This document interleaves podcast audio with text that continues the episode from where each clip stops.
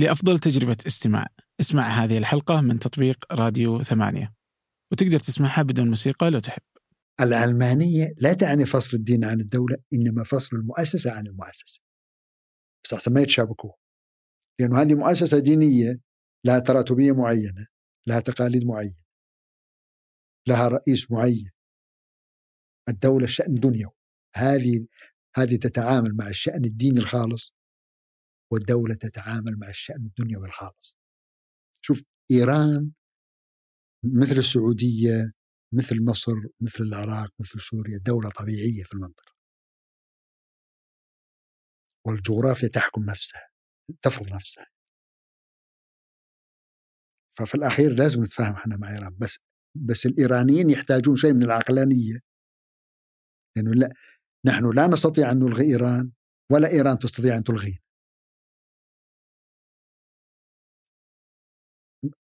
والحوار ضروري. لكن الحوار بهذه المواصفات وبهذه المعطيات لن يجدي شيء. إذا كنت مصر على نشر الميليشيات في كل مكان ومصر على التدخل ومصر على نشر الحروب الأهلية في المنطقة وش معنى الحوار في الحالة هذه؟ يعني تبغاني أنا أعطيك غطاء سياسي للممارسات حقتك. أعطيك غطاء سياسي للميليشيات اللي قاعدة تنشرها في كل مكان تسلحها عدد الميليشيات الإيرانية في المنطقة أكثر من خمسين ميليشيا بين العراق وسوريا واليمن ولبنان.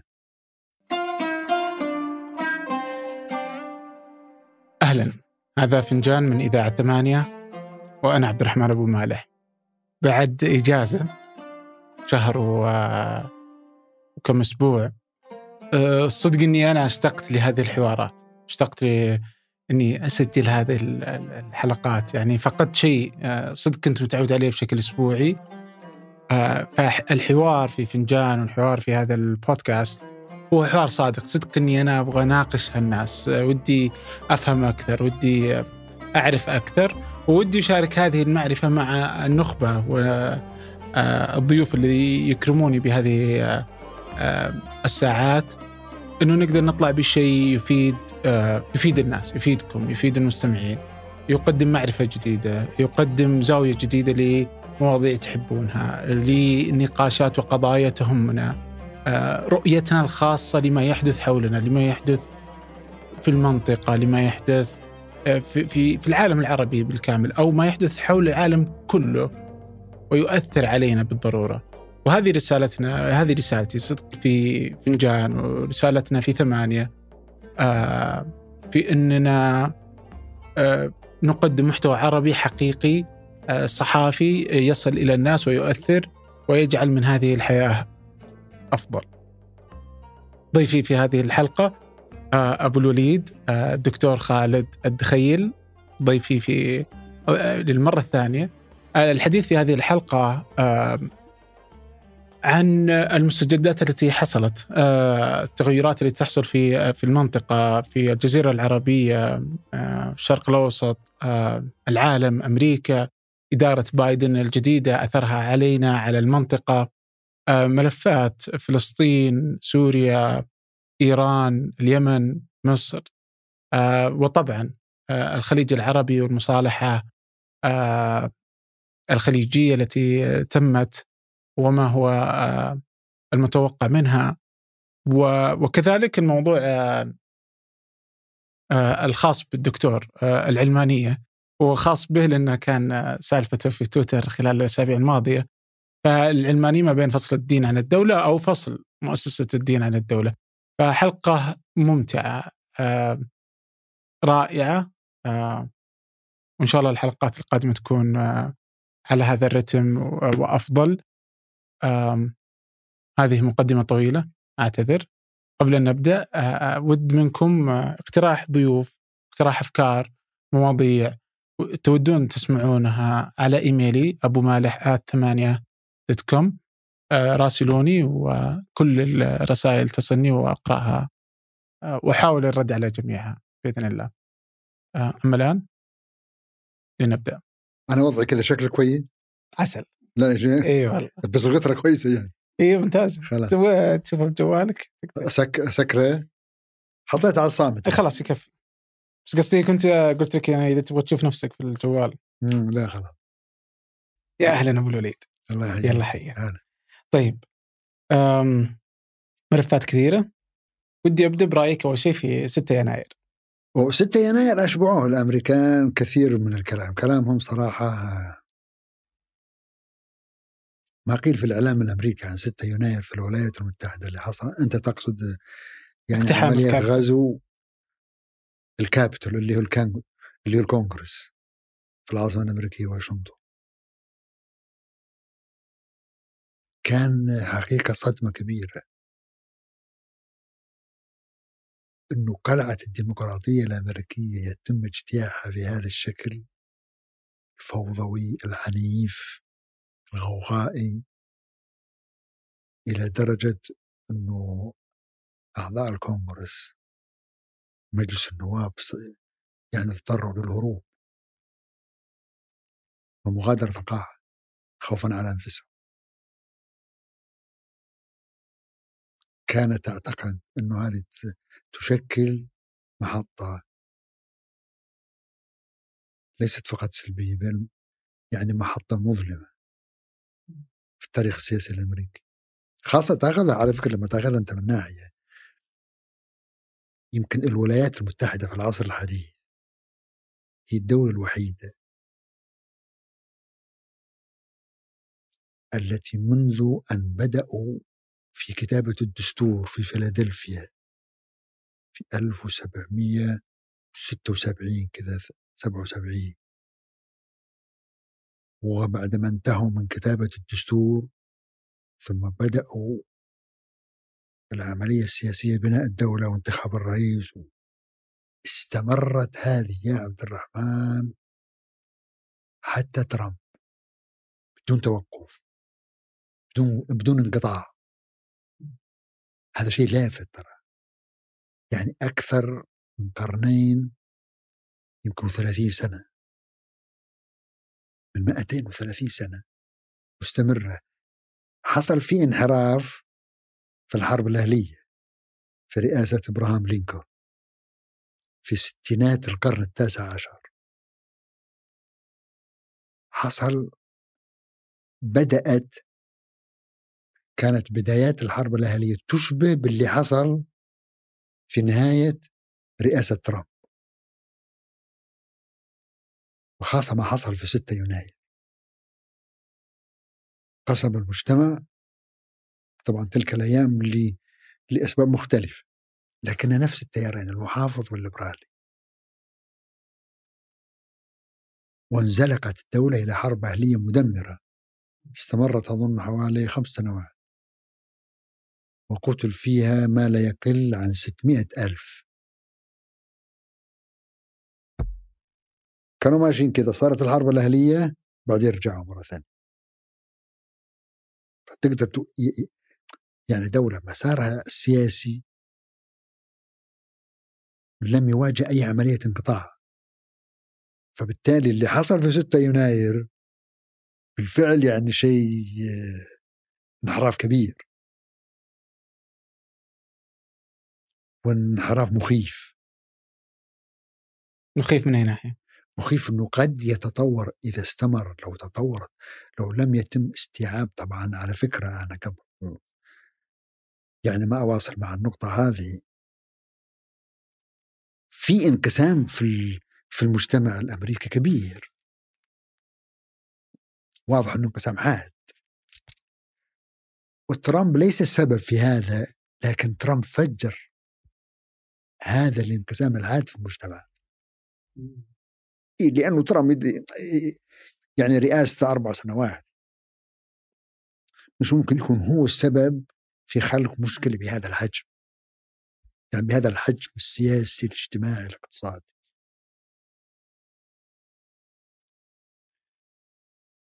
فبالتالي ما لم تتم معالجة الأسباب التي أدت إلى هذا وسمحت لترامب باستغلالها. يعني سيكون المجتمع يعني ستكون الولايات المتحدة مقبلة على مشكلة كبيرة هل تجاوزوا 6 يناير؟ تجاوز إنه يكون شيء أسوأ مما هم حتى؟ الآن حتى الآن تجاوزوا لكنه هل تجاوزوه تماما؟ هذه قصة ثانية لا لا لم يتجاوزوا تماما لكن إنه الحقيقة 6 يناير وما قبل 6 يناير الذي أدى إلى هذا اليوم أثبت شيء واحد. أن قوة المؤسسات الدولة الأمريكية. لما تاخذ القضاء والكونغرس والأحزاب. و مجلس النواب. إيه خلاص الكونغرس كله. مم. لأن الكونغرس هم مجلس الشيوخ وال... إيه مجلس الشيوخ والنواب. يعني قوة المؤسسة التشريعية وقوة المؤسسة القضائية قوة الأحزاب وقوة الإعلام مؤسسات الإعلام ومؤسسات المجتمع المدني. ما وجد ما حصل في أمريكا درس لناس كثيرين جدا عن معنى الدولة. ما لما تقول دولة ماذا تقصد؟ درس عملي أمامك حصل. أربع سنوات كانت كلها في شحن من قبل ما يفوز ترامب يعني منذ 2015 مم. كان قبل فوز ترامب. وترامب كان يمثل نموذج مناقض تماما ل- للتقاليد السياسية الأمريكية للخطاب الأمريكي للسمت الذي تعودوا عليه في الرئاسة في الرئيس. في السمت معين. من حيث الشكل ومن حيث طريقة الحديث والتقاليد والقيم والخطاب إلى آخره. خرج على كل هذا. وكانت خطورة ترامب في أنه كان يتمتع هذا كان واضح يعني بقاعدة شعبية كبيرة.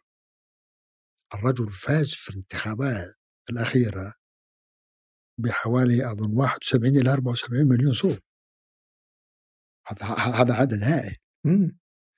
والذين نفذوا عملية 6 يناير هو بتشجيع من ترامب. فالرجل عنده قاعدة شعبية لكن هذه القاعدة الشعبية موجودة قبل ترامب. هم فقط وجدوا شخص يتبنى ما يعني يتبنى الخط حقه. والمطالب حقته. وعلى مدى أربع سنوات صمدت الدولة. لم تهتز لم تهتز مؤسسات الدولة. هذا الشاهد أنا لما قلت لك أن عملية سياسية استمرت لمئتين وثلاثين سنة هذا رسخ المؤسسة وعمق جذور المؤسسة. يعني مؤسسات ليست طارئة. رغم أنه ترامب استطاع أن يجعل قضاة المحكمة العليا أغلبهم تيار محافظ مؤيدين له. عندما جاء الحق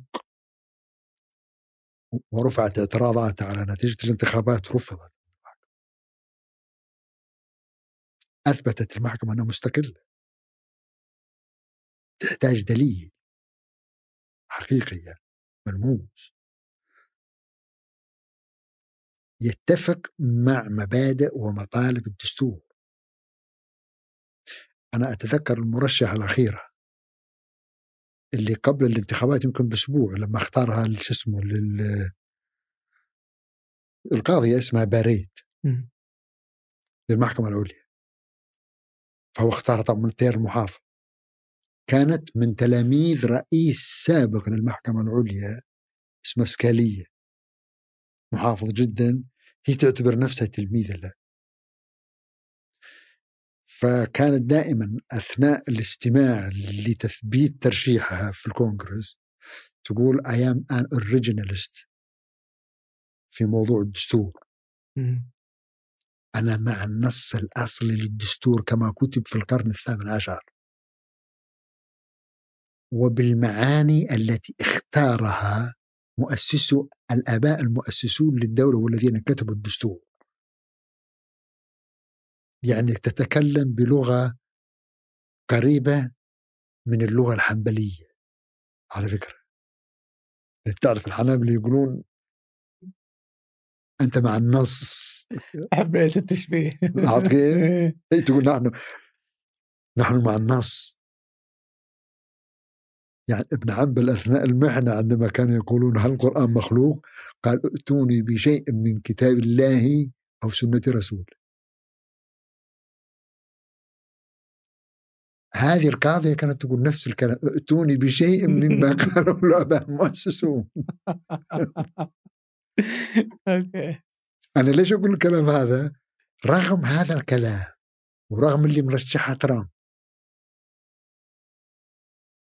صوتت ضد ترامب في في موضوع الانتخابات ونتائج الانتخابات. مرة مرة ثانية هذا يؤكد قوة المؤسسة.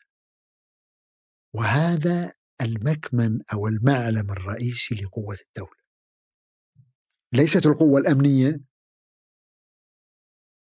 ولا حتى القوة العسكرية في الداخل طبعا.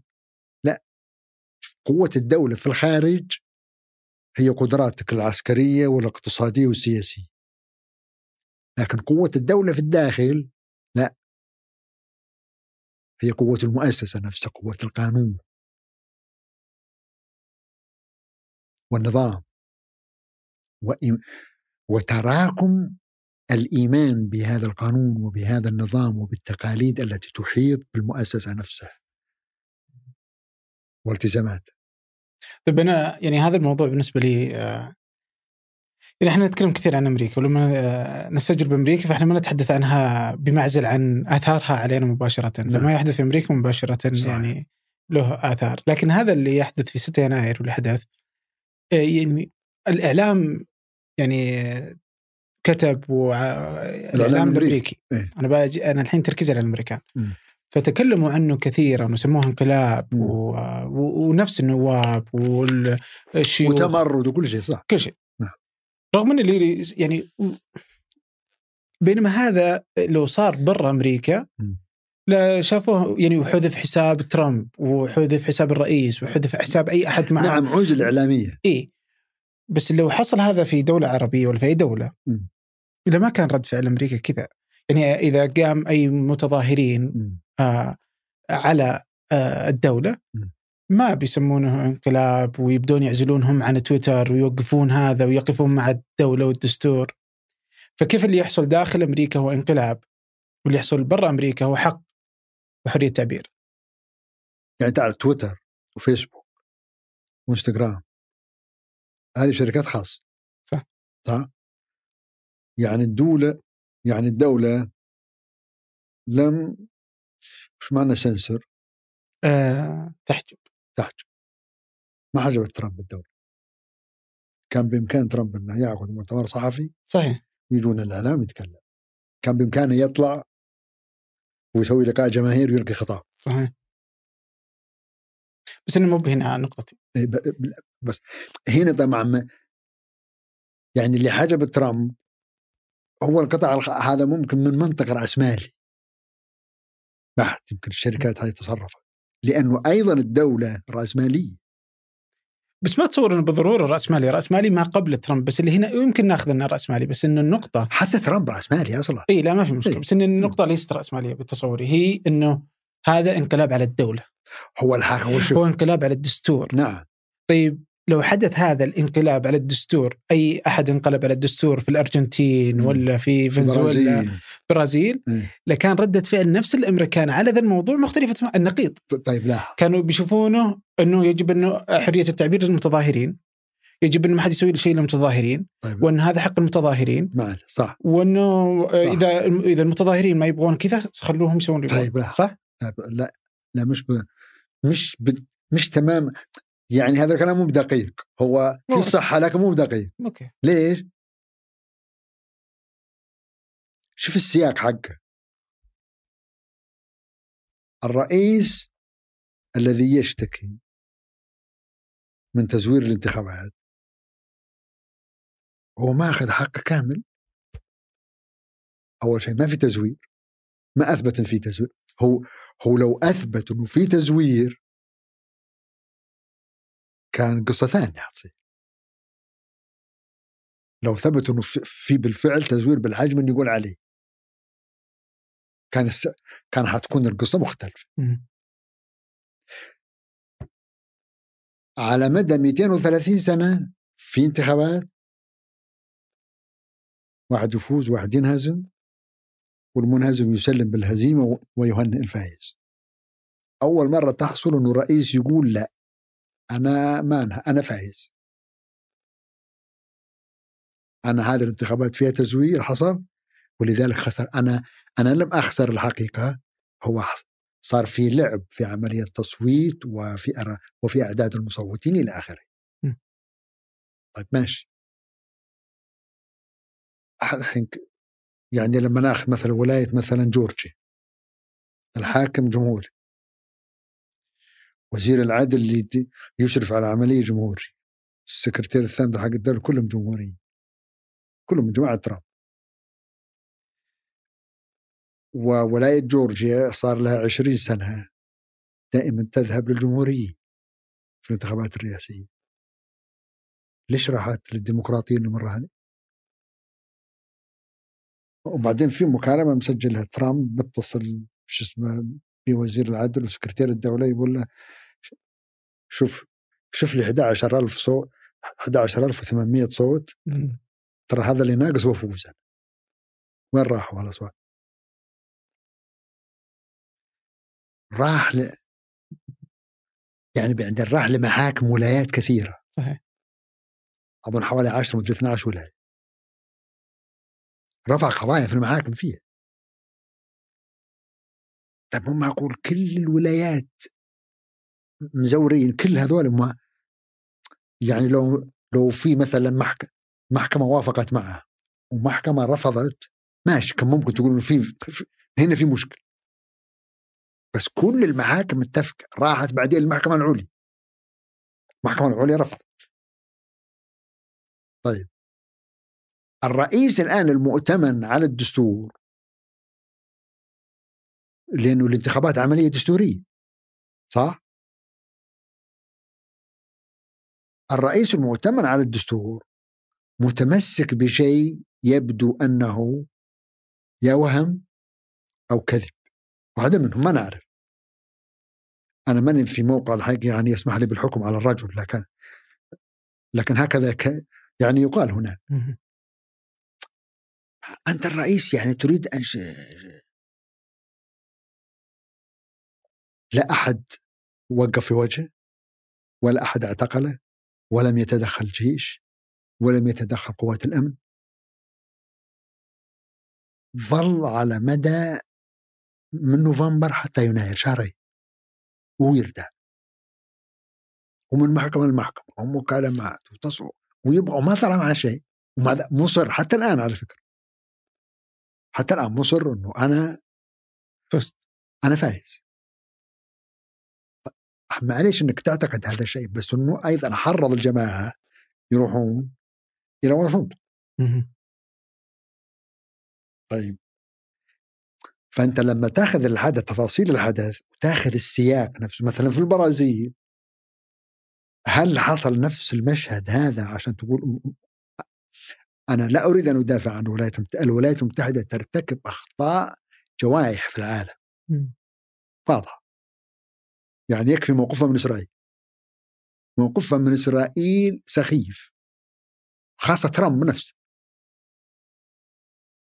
يعني موقفها في الشرق الأوسط. م- مع إسرائيل وحتى مع إيران.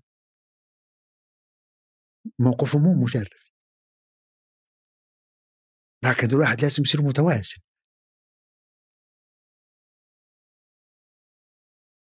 ما حصل موقف ي- أنت عشان تقارن لازم تش... تتشابه الأحداث تماما.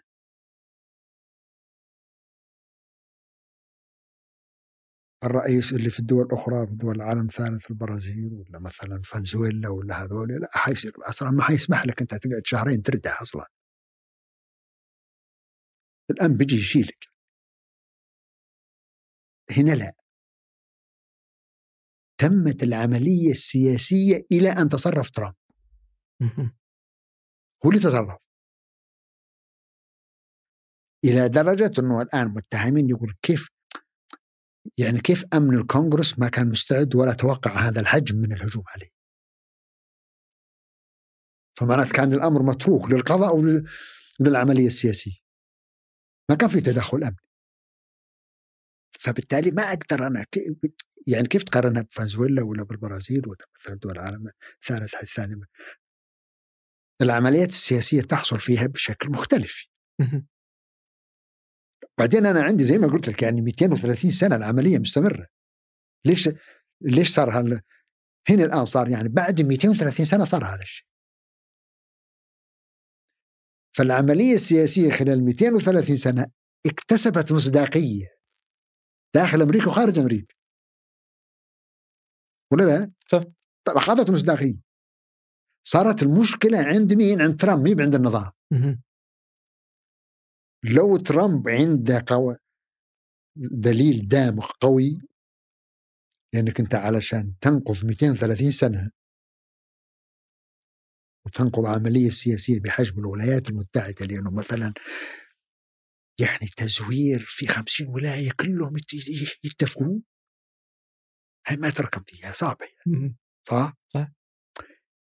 يعني تقول لي مثلا إنه تصير في أخطاء أكيد أكيد تصير في أخطاء دائما تصير في أخطاء. يعني على فكرة الرئيس كندي الآن تقريبا ثابت إنه المافيا كان لها دور بفوز كندي في الرئاسة في الستينات الماضي ستينات القرن الماضي أقصد إنه تحصل أخطاء أكيد تحصل أخطاء في الولايات المتحدة. يعني يعني في الأخير يعني, يعني ما تقدر تسويهم بعد ملائكه الأمريكان. يمكن يحصل فيه تزوير من هنا ولعب من هنا يعني وارد جدا. لكن مشكلتك إنه حجم المصوتين ضخم. وحجم العملية السياسية كبير جدا. علشان تؤثر على نتيجة بهذا الحجم لازم يصير الفساد بهذا الحجم كبير. ما تكلم مثلا يعني عن دولة يعني عدد سكانها ثلاثة ملايين. ولا 500 ألف 600 ألف. تكلم أنت عن دولة عدد سكانها أكثر من 300 مليون. يعني عدد المصوتين أكثر من 100 مليون ف... لا اللي صوتوا في الآن في, في الانتخابات الأخيرة حوالي 150 مليون. مم. فأنت علشان شو اسمه؟ يعني عشان تتلاعب في النتيجة لازم يصير التزوير كبير. اي فعلا. ضخم. فإذا كان خ... ضخم كيف ما جبت أنت يا ترامب طيب؟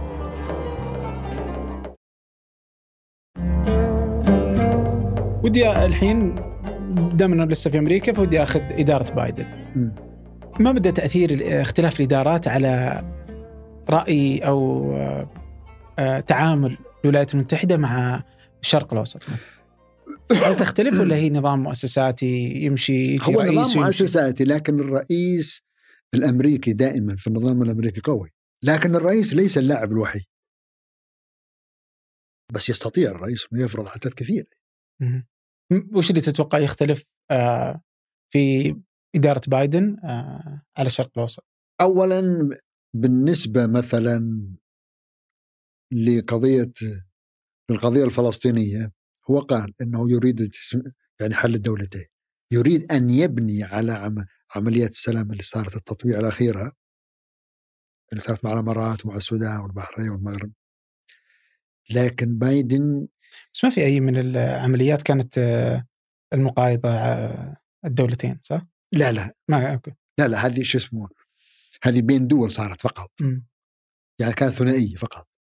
ما ما, ما أحد من الدول العربية هذه الأربعة اشترط إنه حل الدولتين. حل الدولتين.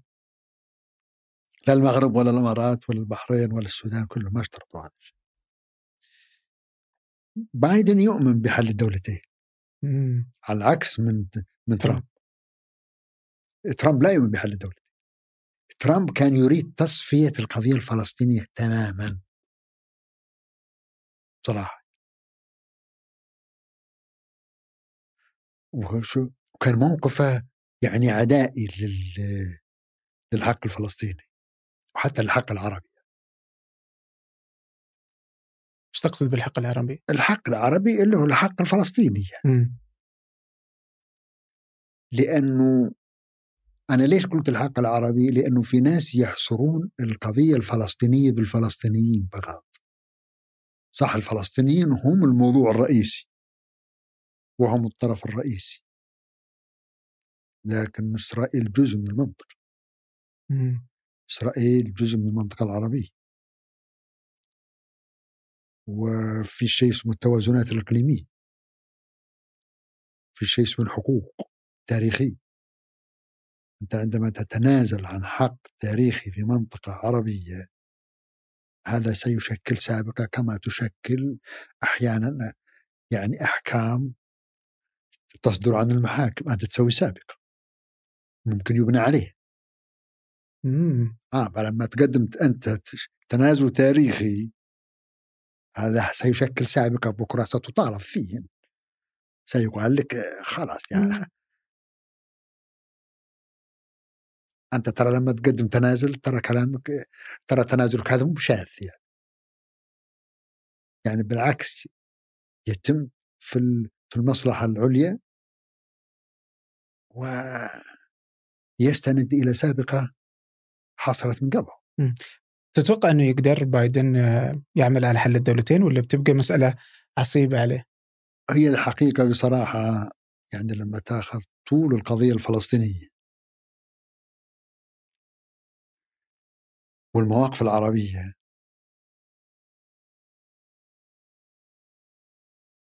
حل دولتين ما في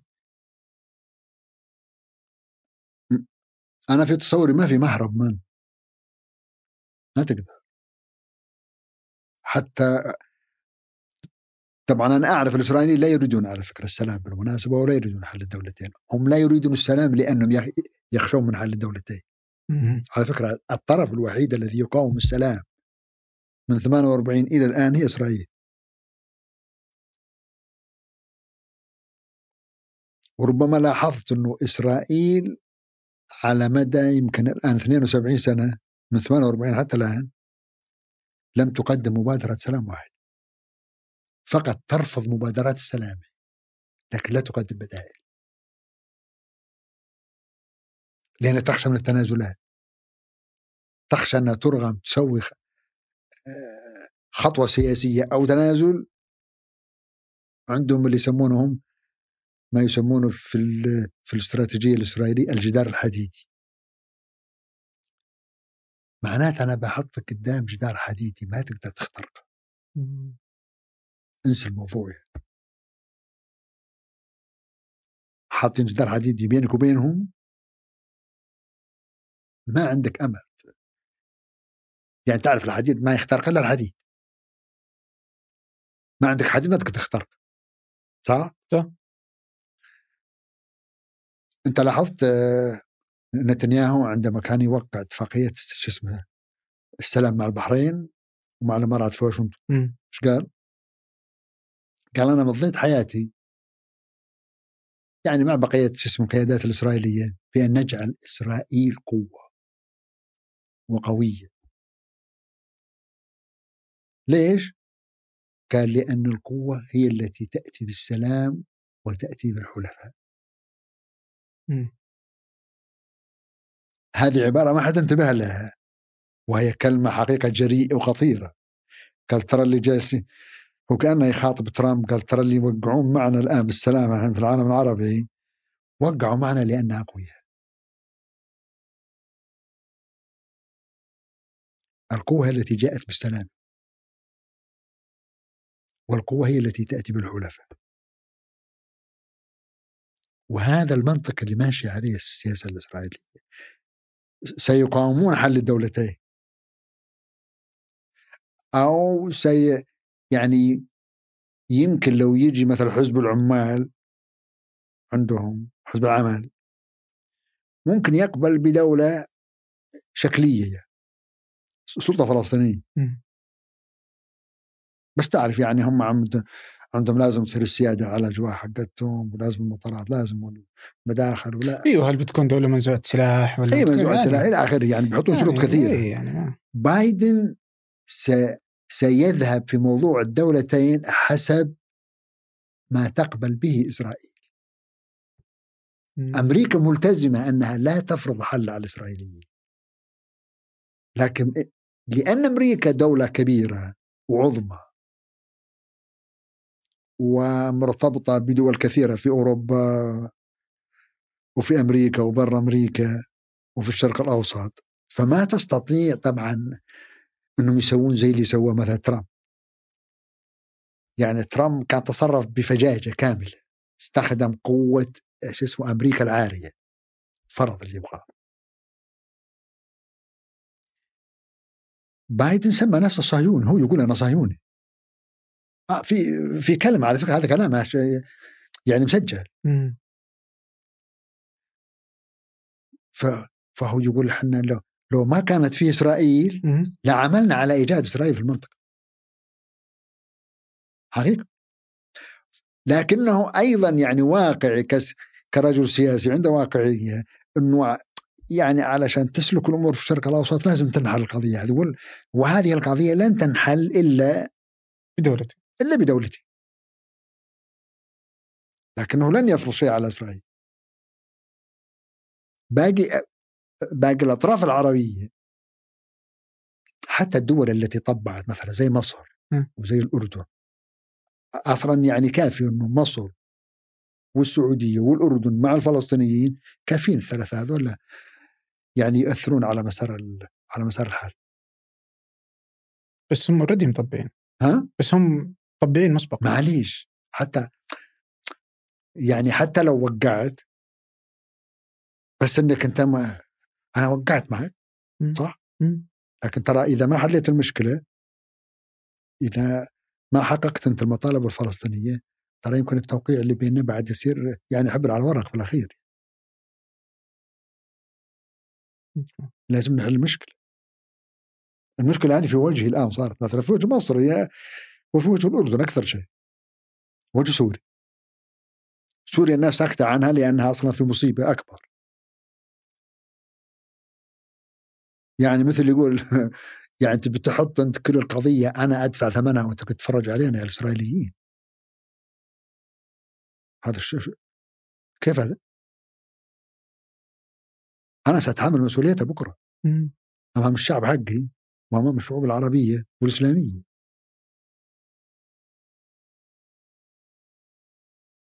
طبعا الدور العربي لا الدور العربي لا زال مهم حتى بالنسبة للدول التي وقعت. بس وش يهم؟ يعني لما أجي أشوف الحين الورقة السعودية ورقة منطقية يعني لا تزال ورقة إنه أنا ما عندي علاقات. هل تريد علاقات معي؟ ثم نطبع العلاقات. تستفيد اقتصاديا ما أدري إيش كذا وسياسيا نعم نعم. اذا حل الدولتين. هذا كلام إلى وزير الخارجيه قبل أسبوع. نعم. وزير الخارجيه السعودي هذا الموقف السعودي. إيه؟ هذا الموقف السعودي واضح. وهذه ورقة فعلية يعني ما جدا. لا, لا بس الأوراق يعني وهذه الأقوى. هل في ورقة ثانية؟ شوف مصر مصر والأردن أيضا يشكلون ورقة. ممكن مصر في لحظة من اللحظات لو ما مشت معها تسحب السفير حقها مثلا وتطلب من السفير الإسرائيلي مغادر يعني هذا خيار ممكن مثل ما تروح يعني. يعني يمكن عبد الفتاح السيسي ما يسوي بس الرئيس اللي بعده ممكن يسوي ممكن يقول أنتم يعني إذا ما حليتوا إحنا مشينا معكم من من 78 وكان اتفاق كان ديفيد. وبعدين ما طلعنا معكم قدمنا لكم كل شيء؟ يا أخي حتى سفارة يعني حتى سفارة نقلتكم لشو اسمه القدس. قدمنا كل شيء. ناويين تحلوا الموضوع ولا مش ناوي؟ يعني ممكن مثلا مصر خلاص تسحب السفير احتجاج يعني. يعني ما تقطع العلاقات بس تبدأ تعطي مؤشرات إنه اللي ماشي هذا مو صحيح. تطلب من السفير يعني إسرائيل مغادرة. طيب. طيب كيف ممكن أصلا نحلها؟ هو حلها بس وفلسطينيين لم يتفقوا بعد. أيضا هذه طبعا عقدة ثانية. هذه عقدة ثانية. إنه الفلسطينيين أنفسهم موقفهم أسوأ من المواقف العربية. إنهم أصلا وقعوا هم تطبيع. إيه، تطبيع. وارتكبوا خطأين شنيعين الاسرائيلي شو اسمه الفلسطينيين بالمناسبة يعني في في المفاوضات التي أدت إلى اتفاق أوسلو. الخطأ الكبير الأول أنهم قدموا الاعتراف بإسرائيل بدون اعتراف مقابل. ثانيا أنهم لم يضعوا شرط وقف الاستيطان مقابل الاعتراف. هذا خطأ كبير خطأ استراتيجي ضخم. أنا صح خلاص أبغى أعترف لكن بشرط يوقف الاستيطان. ترى إذا است... إذا عاودوا الاستيطان بسحب الاعتراف ما سوى هذا. هذا أيام عرفات. وأيام أبو جهاد. القيادات التاريخية الكبيرة طبعا أضف إلى ذلك الانقسام بين ف... بين فتح وحماس بين منظمة التحرير وحماس انقسام سخيف. وحماس الآن صايره طبعا يعني قوه فلسطينيه ما في أسخف منها. راح تعارف مع ايران وتعتبر قاسم سليماني شهيد القدس. يعني تصرف جنوني مش طبيعي. الرجل الذي قتل السوريين الشعب السوري وقتل الشعب العراقي. ونشر الميليشيات في المنطقة والطائفية في المنطقة تسميه شهيد القدس. واليمن؟ واليمن؟ وش هذا هذا أخبار. يعني أنت الآن الشعب السوري بكرة لما يرجع حيقول لك أنا مالي مال قضية فلسطين يا أخي. هؤلاء الفلسطين القيادات الفلسطينية ضد مصلحتي أنا. يعني قاعدين يباركون ويعزون في شخص كان يقتلنا نحن. شوف كيف وصل الغباء أحيانا يصل الغباء بالإنسان. فالموقف العربي والم... طبعا الموقف العربي صعب والموقف الفلسطيني أسوأ. لا شك. فلذا كذا تشوف إنه القضية يعني إذا استمر يعني الفلسطينيون بايدن على... ما أدري إذا كان شوف إذا استمر الفلسطينيون على هذا يعني على هذا النهج طبعا سيعقد حل حل دولتين. لا شك لكن حط في اعتبارك هذا صراع تاريخي. بعد 10 20 سنة إسماعيل هنية مو في حماس وضعها مختلف منظمة التحرير أبو مازن كل القيادات حتختفي. حياتي جيل ثاني ماذا سيفعل؟ هذه قضية طويلة نفس بس خوفك يجي ترامب آخر ومن ثم ي... يمكن يجي لك واحد ترامب آخر. طبعا ممكن. يعني لكن أيضا ممكن ياتينا طبعا ش... يعني يحصل تغير في أمريكا يحصل تغير في العالم العربي يحصل تغير مثلا في الروس في الصين في عند الأوروبيين في النظام الدولي ما تعرف. يعني لو كان في إرادة سياسية لحل المسألة بيمدي يوصلون إلى اتفاق لا هي لو إنه أمريكا تتخذ موقف عقلاني متوازن من القضية إيه؟ كان حلت من زمان.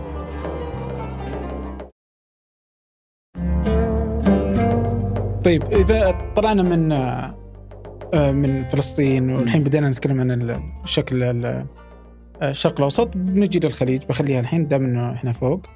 خلي الخليج آه، اخرا. آه، سوريا. شوف سوريا لم تكن في يوم ما مهمة استراتيجية للأمريكيين. على فكرة. ما عمرها كانت يعني قضية استراتيجية أمنية يعني كبيرة بالنسبة للأمريكي. حتى أبداً. التواجد الروسي. قبل التواجد الروسي وبعد التواجد الروسي نفس الموقف نفس الموقف. العراق عنده مها. والجزيرة العربية عنده مها. سوريا موقعها حقيقة هي فقط نتيجة أنها مجاورة لإسرائيل.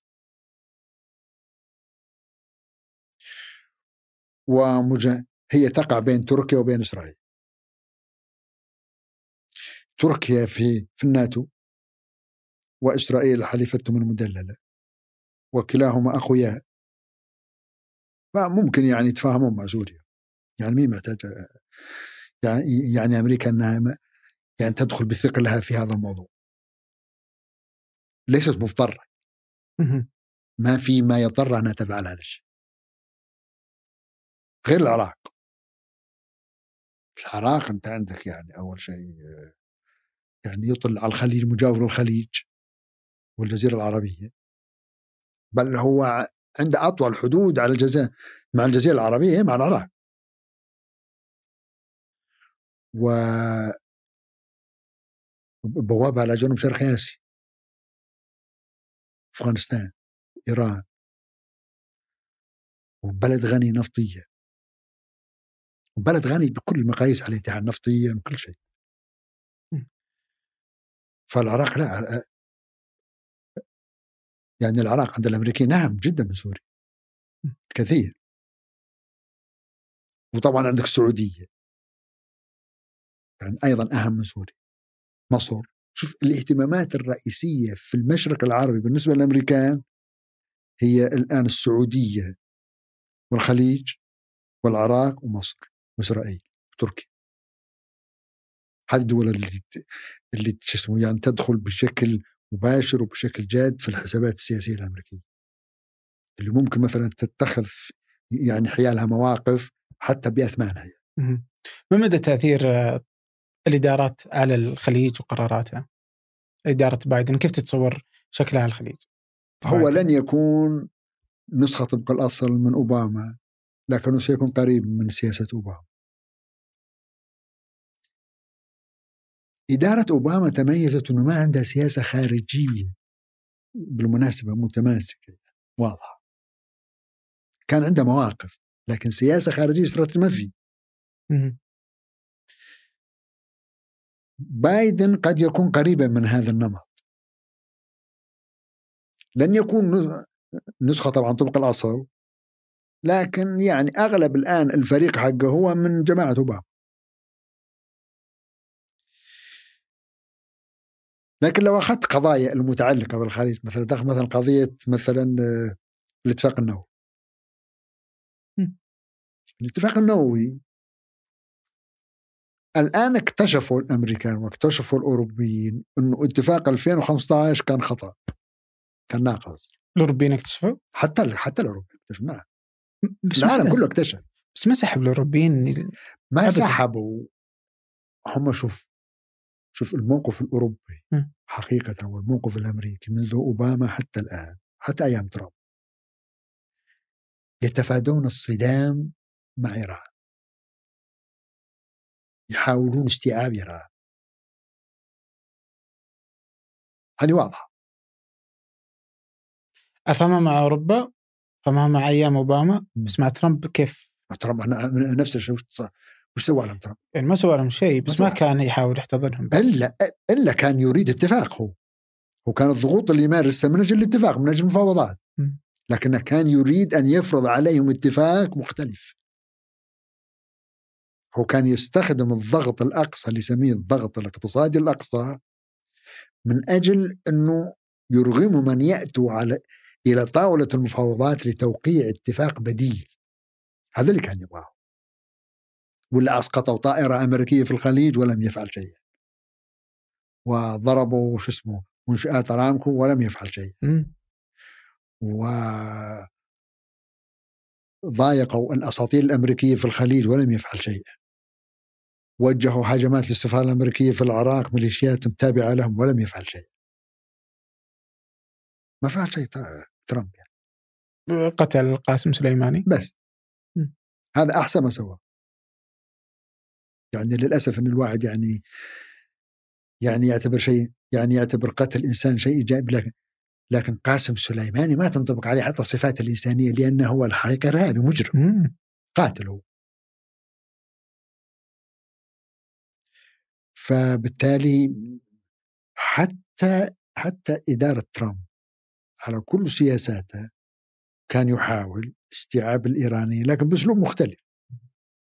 بأسلوب قوي. ما يبغى يعني ما كان يبغى يتصادم معهم لكن لاحظ مثلا موقف الامريكان يعني الإدارات الأمريكية جورج بوش الأول كلينتون جورج بوش الثاني. كيف كان موقف مع صدام حسين؟ ما كانوا يحاولون يستوعبون صدام حسين. ولا لا؟ ما كانوا يحاولون استيعابه.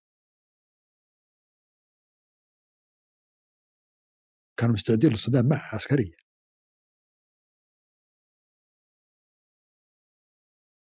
إلى درى أنه في 2003 جاء الجيش الأمريكي وشال. مع إيران الموقف الأوروبي لا يعتمد عليه على الإطلاق. يعني. ضعيف مرة.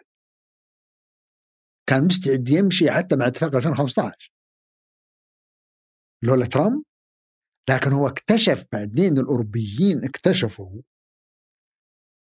أنه لما انسحب ترامب كان له دعم إقليمي كبير. وتبين لهم أنه بالفعل هذا الاتفاق يعني ما أخذ في الاعتبار الجانب الإقليمي.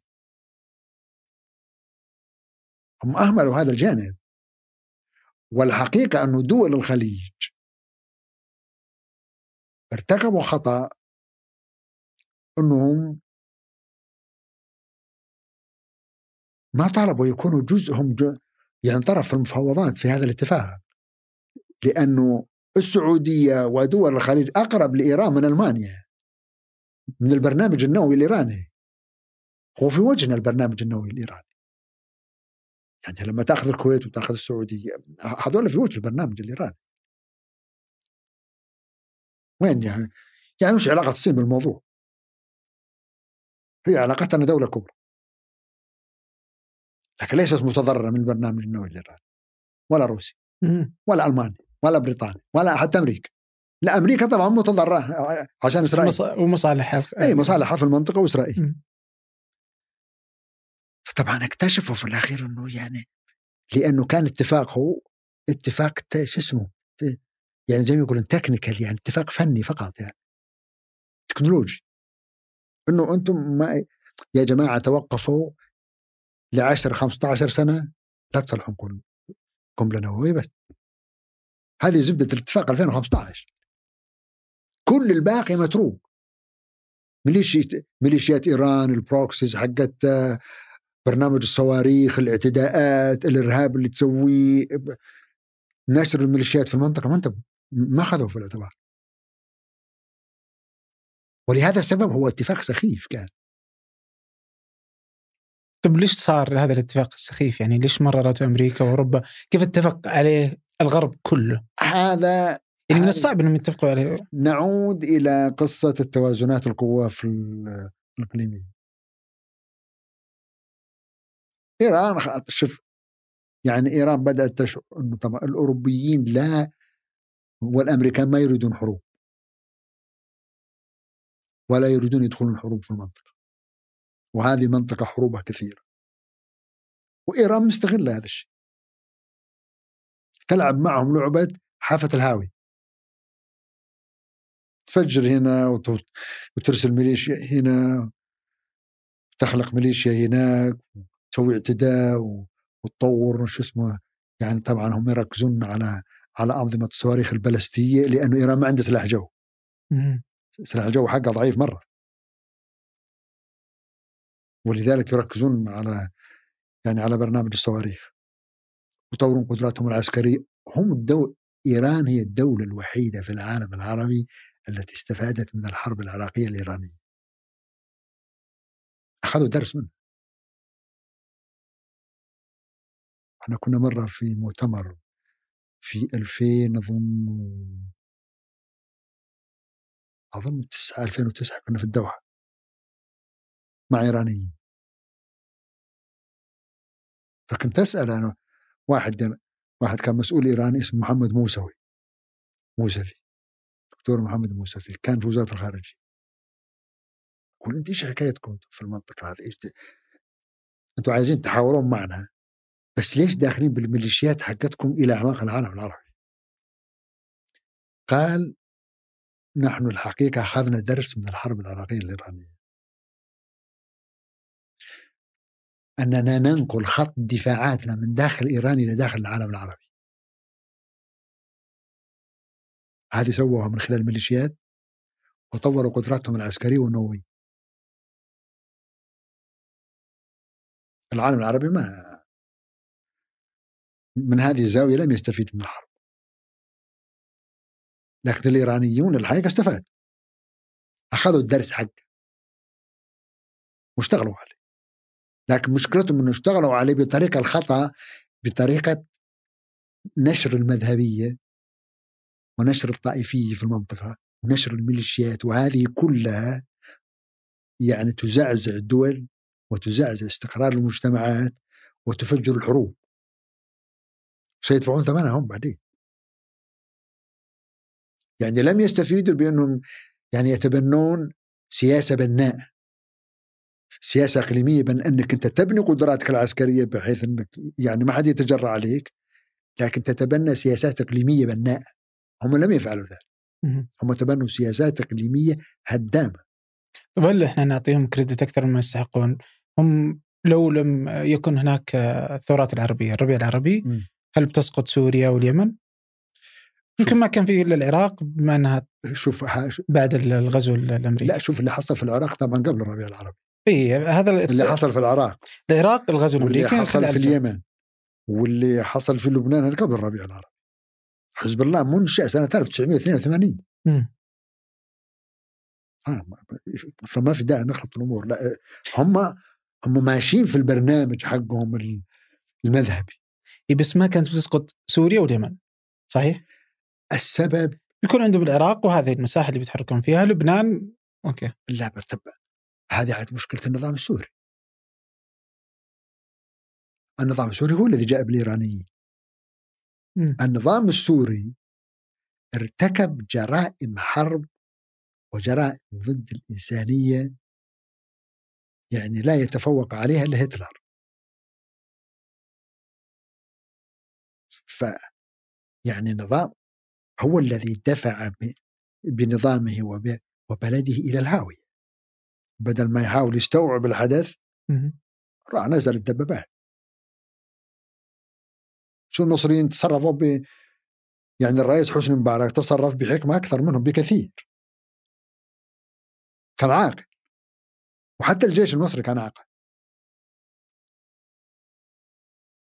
عامل النظام المصري إنه يتجنب الصدام العسكري مع الناس. هذه حقيقة صح؟ هذا ما لم يحدث في سوريا. ها؟ هذا لا- ما حدث في سوريا. ولا قريب منه. اي لكن فهو السبب هو الذي أدى بسوريا إلى هذه الحال وهو الذي استن هو أصلا هم استغلوا الفرصة بس ما كان خطة مبنية ومدروسة. لا لا والله لا, في فرصة استغلها. لا لحظة. إحنا نعطيهم على إنهم خططوا بينما إنها ما فرص خططوا. استغلت. لا الإيرانيين ما خططوا لشيء.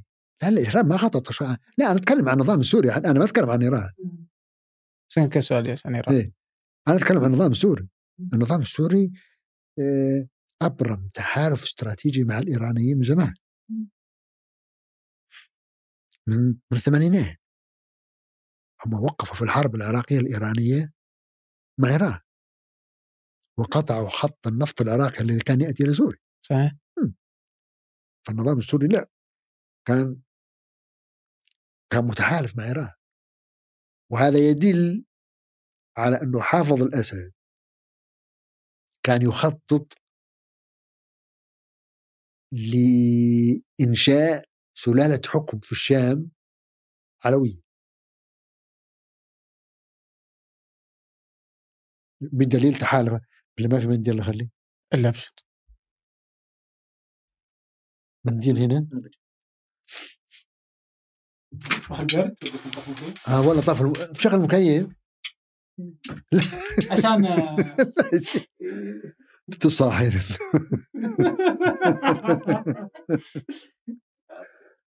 ما لا شوف.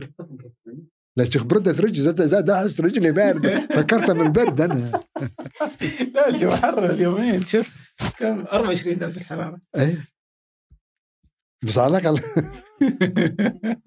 حسيتك برد أنا ما بردت بس حاسس رجلي بردة. إلا ترجو لي والله. فأقول لك النظام السوري إيه. مسوي تحالف مع النظام الإيراني قديم وأظن الوجود الإيراني في سوريا قبل الربيع العربي. في مؤشرات كثيرة تقول إنه قبل الربيع العربي موجود. فمعناته أنت أمام أصلا مخطط مذهبي قديم معناته. معنى هذا الكلام. يعني مش شيء طارئ. مش والله إنه والله لما قام الربيع العربي قال ها تلفت يعني بشار الاسد خلينا خلينا نستعين بالإيرانيين. لا. لا ما حصل هذا الشيء به- بهذا الشكل. هو سوى هذا الشيء مع الروس صحيح. هو لما فشل الإيرانيين راح روسيا راح روسيا في 2015 كان النظام على شفير السقوط كان سيسقط تقريبا. لو لم يتدخل الروس لسقط النظام. حتى ألقى بشار الأسد في في شهر سبعة. خطاب استغاثة. أعلن فيه أن الجيش السوري لا يستطيع أن يفعل إلا المحافظة على ما تحت سيطرته. ما يستطيع يسترجع أراضي خلاص.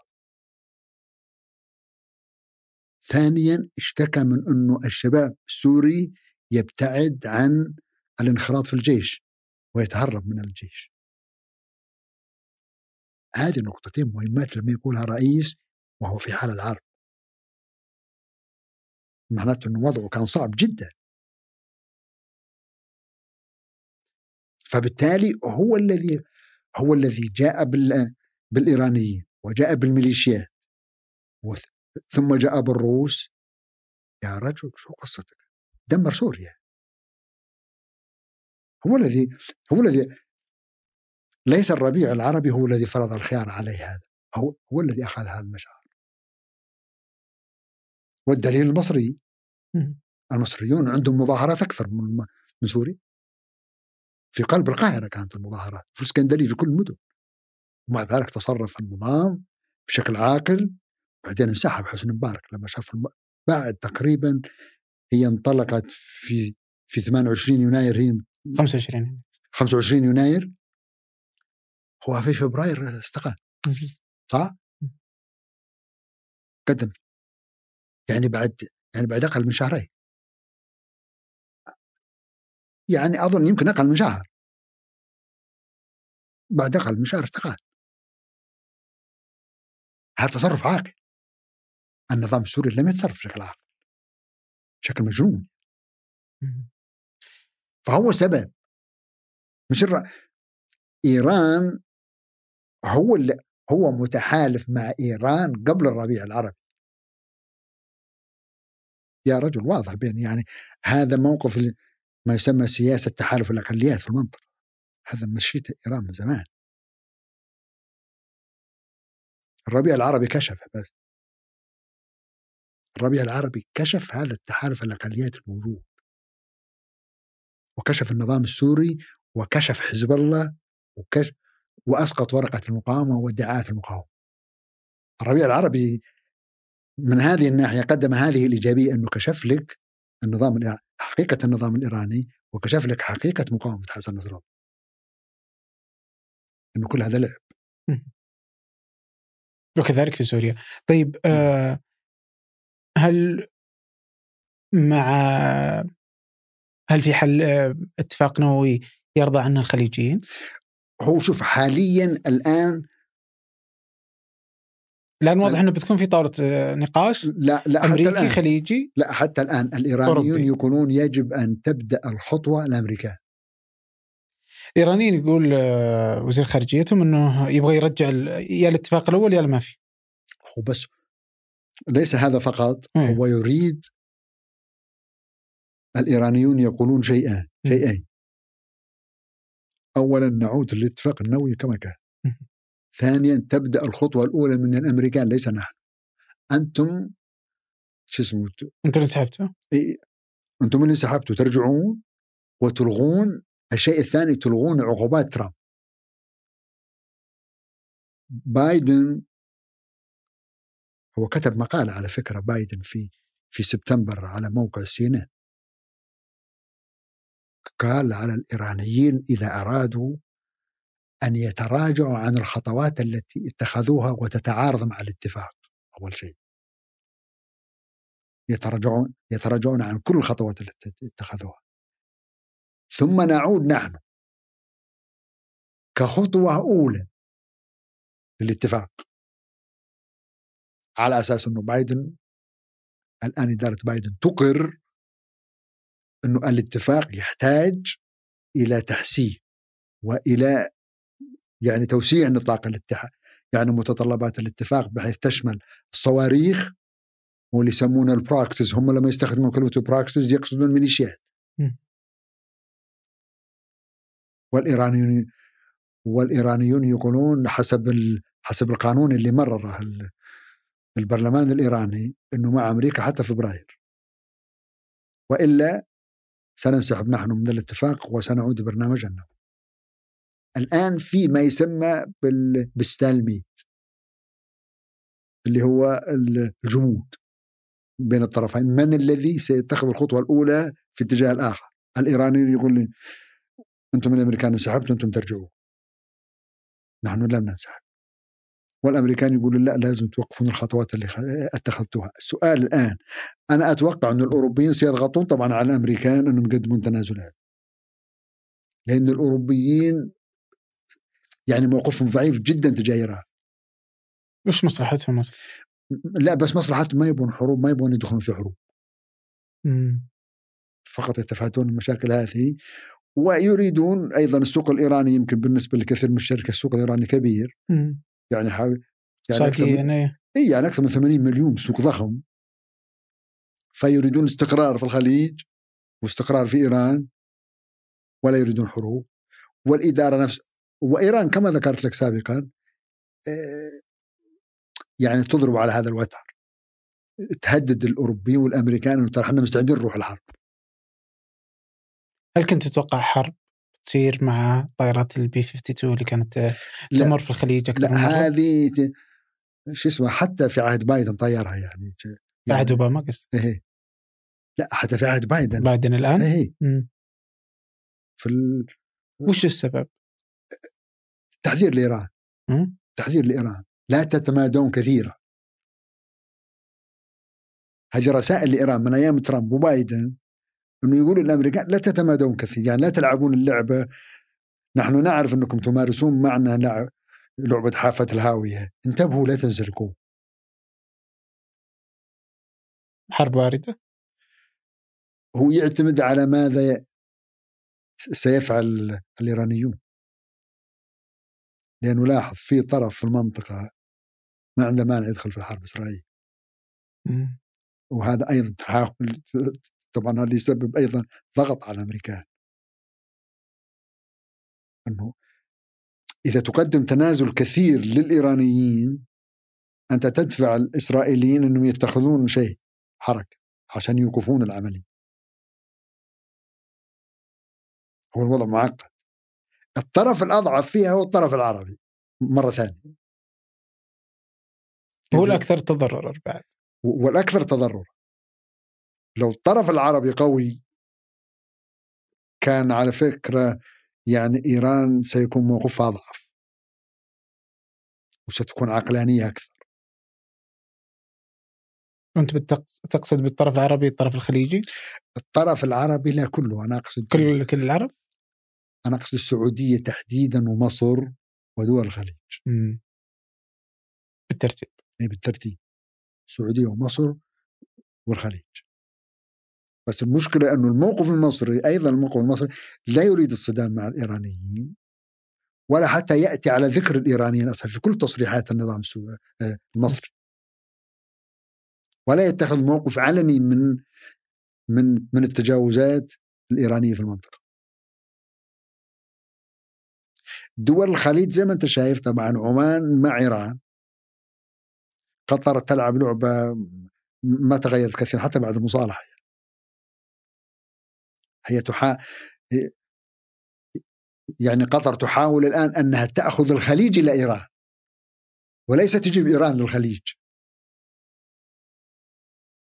آه يعني وزير خارجية قطر يقول لازم نسوي حوار مع إيران ولازم نسوي قمة مع إيران وهي دولة جارة وكل الكلام هذا.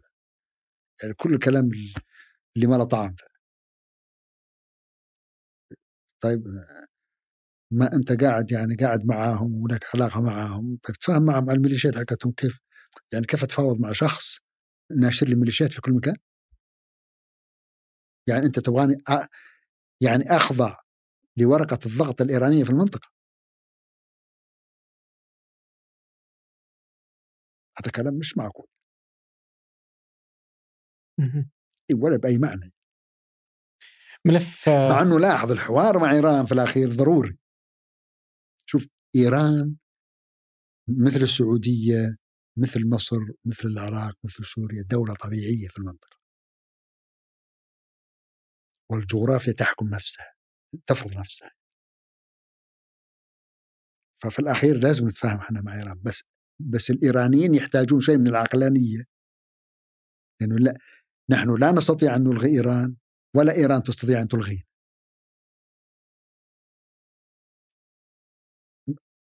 والحوار ضروري. لكن الحوار بهذه المواصفات وبهذه المعطيات لن يجدي شيء. إذا كنت مصر على نشر الميليشيات في كل مكان ومصر على التدخل ومصر على نشر الحروب الأهلية في المنطقة وش معنى الحوار في الحالة هذه؟ يعني تبغاني أنا أعطيك غطاء سياسي للممارسات حقتك؟ أعطيك غطاء سياسي للميليشيات اللي قاعدة تنشرها في كل مكان تسلعها عدد الميليشيات الإيرانية في المنطقة أكثر من خمسين ميليشيا بين العراق وسوريا واليمن ولبنان كيف اتفاوض معك أنا في الحالة دي؟ الصدق أنه ما مدى إمكانية أنه يعني أحس أنه ما هو في, المخ...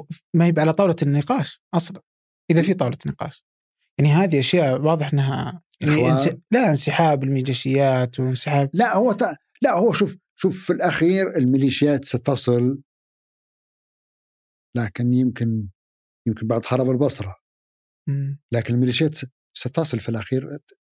الدول سواء في لبنان ميليشيا حزب الله وصلت إلى طريق مسدود في لبنان. في العراق نفس الشيء. في الأخير الناس ستكتشف حتى يعني حتى الناس الذين كان كانوا يرون إنه إيران مثلا مثل بعض إخواننا الشيعة مثلا يرون إن إيران مثل حامية لهم أما سيكتشفون إنه الحقيقة الم... يعني الوضع مأساوي.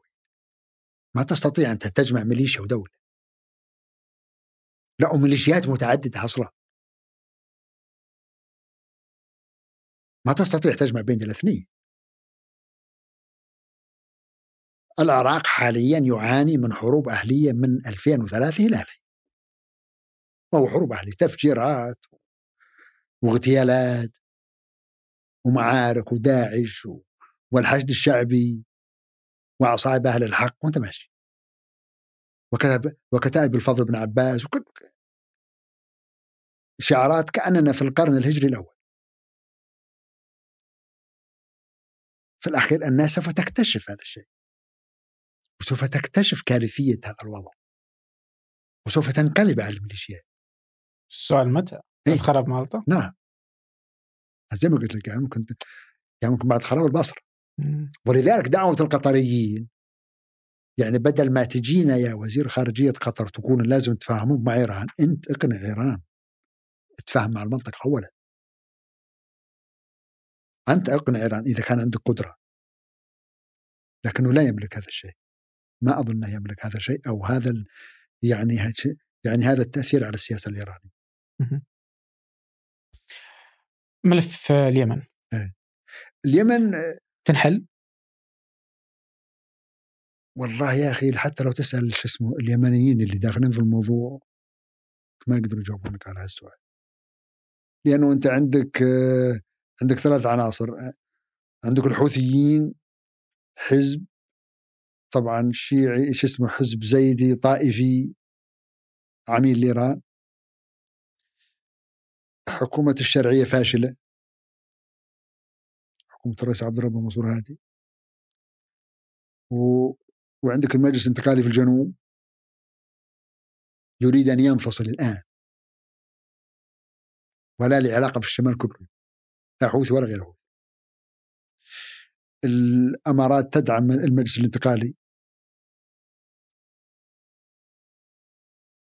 فوضع صعب جدا. يحتاج إلى حسم عسكري. ما بحل سياسي؟ حل سياسي تحت الظروف الحاليه واضح إنه غير يعني غير قابل للتطبيق. غير وارد. السعودية تريد حل. السعودية ليس بمصلحتها إنها تستنزف في الحرب أصلا. الحوثيون لا يريدون حل يريدون تنازل كامل ويريدون أنه إن حكومة الشرعية تجلس الرياض.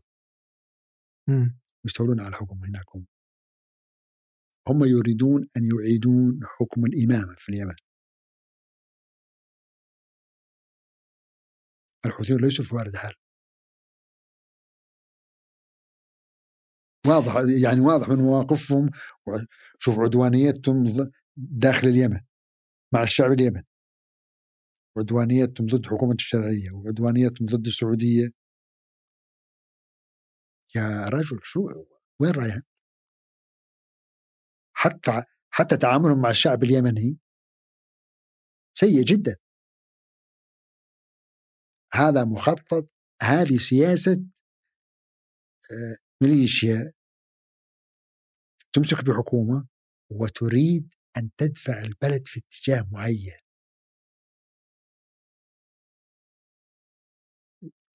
يعني ليست في وارد أن تصل إلى حل معك هي فالحل الوحيد الحقيقة مع يعني مع الحوثيين هو شو اسمه military crush military defeat عشان تصحيهم. ويعني في كان آه، كان لكن هل هذا ممكن؟ حتى الآن واضح إنه هذا الخيار العسكري مش متوفر يعني يمكن ال... يمكن الإدارة السعودية ما تؤمن بهذا الخيار. هذا اللي يبدو لي. يعني يمكن السعودية ما يعني لا تريد أن تذهب في الخيار العسكري بعيدا لكن الأكيد أنه حكومة الشرعية فاشلة. ولم تساعد حتى يعني حتى في الخيارات العسكرية. في كان ناس تتوقع إنه مع تغير إدارة الإدارة الأمريكية إنه الموقف سيتغير أمريكي. لكن وقال وزير الخارجية السعودي إنه متى ما بايدن مسك الملفات سيجد إنه بيقف مع الموقف السعودي. تصريح وزير الخارجية الأمريكي قبل كم يوم كان يقول إنه يقف يعني واضح إنه واقف مع الصف السعودي. نعم. كان يقول انه الحوثيين احتلوا صنعاء آه، واستهدفوا حليفتنا السعودية. نعم. وإن السعودية قدمت معونات إنسانية كثيرة لليمن. ذكر هذا؟ مم. وش تقرأ من الموقف آه، الأمريكي تجاه الموقف الأمريكي يريد إنهاء الحرب. مشكلة الموقف الأمريكي إنه طب إحنا طبعا. نحن في السعودية نريد إنهاء الحرب. يعني ليس لنا مصلحة أصلا في, في استمرار الحرب أصلا. لكن الولايات الإدارة الأمريكية لازم تدرك إنه إيران طرف في الحرب. إيران طرف في الحرب اليمنية. تتوقع لو انحلت مع إيران تنحل في اليمن؟ نعم. نتيجة نعم. حتمية؟ نعم. لو توقف إيران دعمها للحوثيين انتهى الموضوع. سيذهبون سيذهبون ركضا الحوثيين إلى طاوله المفاوضات. بالتأكيد. خلاص زي, ما يقول they, they run out of ammunition. نعم. طيب. الآن عندي ملف المصالحة. أي. كيف تقرأ المصالحة؟ المصالحة حقيقه دائما من حيث المبدأ هي في صالح الجميع خاصة بالنسبة لدول مثل دول السعودية ودول الخليج. من الأساس ما كان المفروض يصير في مشكلة بهذا الحجم أصلا؟ لكن بما أنها صارت المصالحة كويس لكن سؤال هل القطريون جادون في المصالحة؟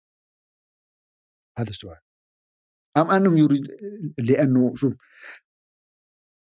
السعودية لم تبدأ المشكلة المشكلة بدأت من قطر كويس؟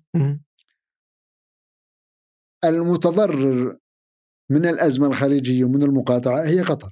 السعودية لم تتضرر. لو استمرت المقاطعة خمسين سنة ما ما هم السعودية في الموضوع؟ يعني لأن ما تدفع فيه ثمن اقتصادي خالص. نقدر نقول إنه برضه مهم قطر؟ ها؟ ما نقدر نقول نفس الكلام على قطر؟ ما تقدر لأنه الدليل لأنه أنت ما عندك حدود إلا مع السعودية. ولما تطلب أنت مثلا يعني تعويض الحدود والأجواء السعودية من دول أخرى هذه الدول تريد ثمن. أنت ستدفع. يعني يعني اقلها الخطوط القطرية. أنت لما تحرم من الأجواء السعودية حت- حتسوي لفة طويلة عريضة. فيها تكاليف وقود فيها تكاليف ممر. وفيها تنازلات حتقدمها عشان تحصل عليه. أنت مقبل على كأس العالم 22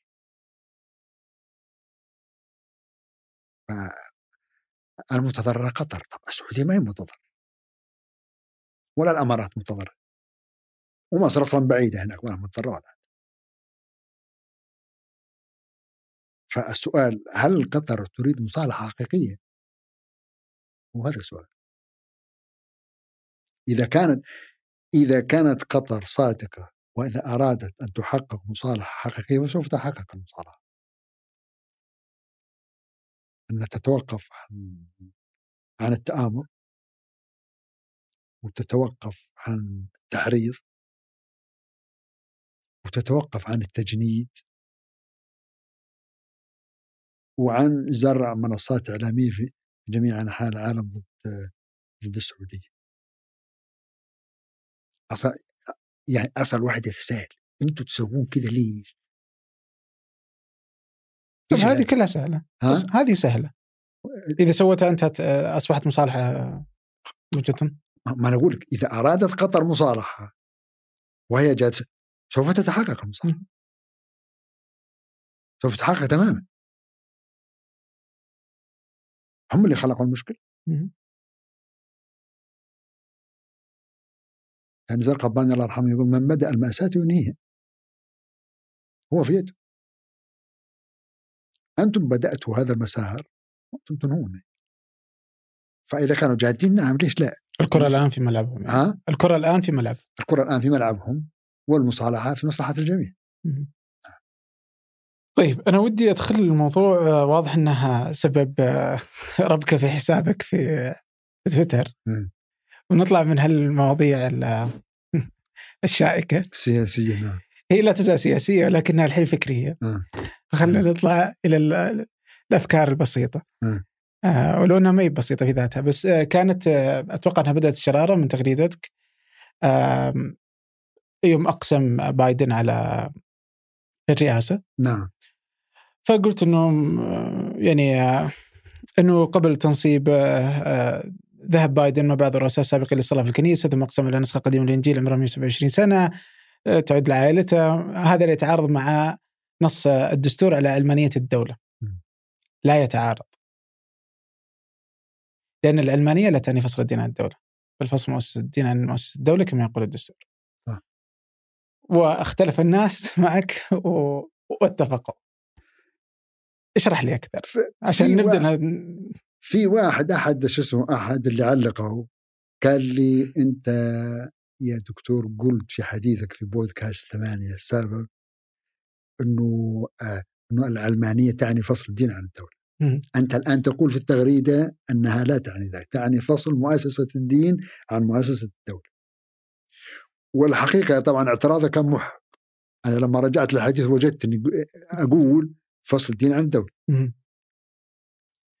وهذا ليس دقيقا لأنه فصل الدين عن الدولة يعني كما ذكرت في التغريدة أنه أي واحد يؤمن بدين لا يحق له العمل في الدولة. لما تفصل هذا كلام مو معقول. ما في يعني في أمريكا مثلا أمريكا ما في فصل. الدين عن الدولة. في فصل لمؤسسة الدين عن مؤسسة الدولة. هذا يعود حقيقة إلى بداية عندما دخلت الإمبراطورية الرومانية وتبنت الدين المسيحي في القرن الرابع الميلادي.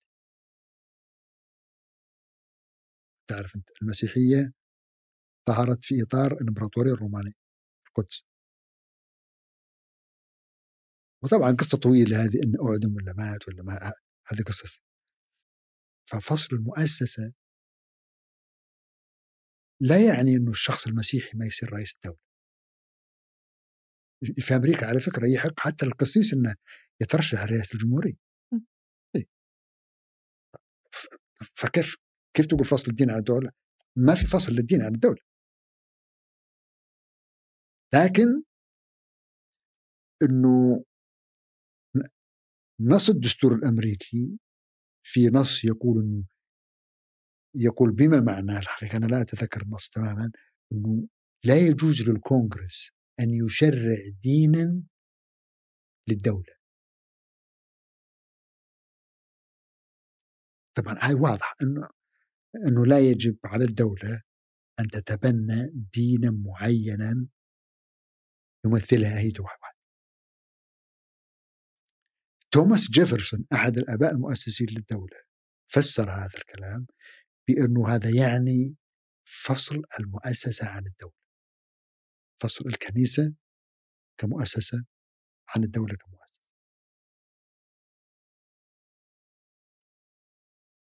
من ناحية ثانية لو فكرت في العلمانية في أصلا ليست ايديولوجيا العلمانية.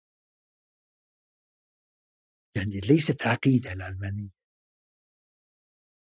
ليست عقيدة تؤمن بها أو تكفر بها هي.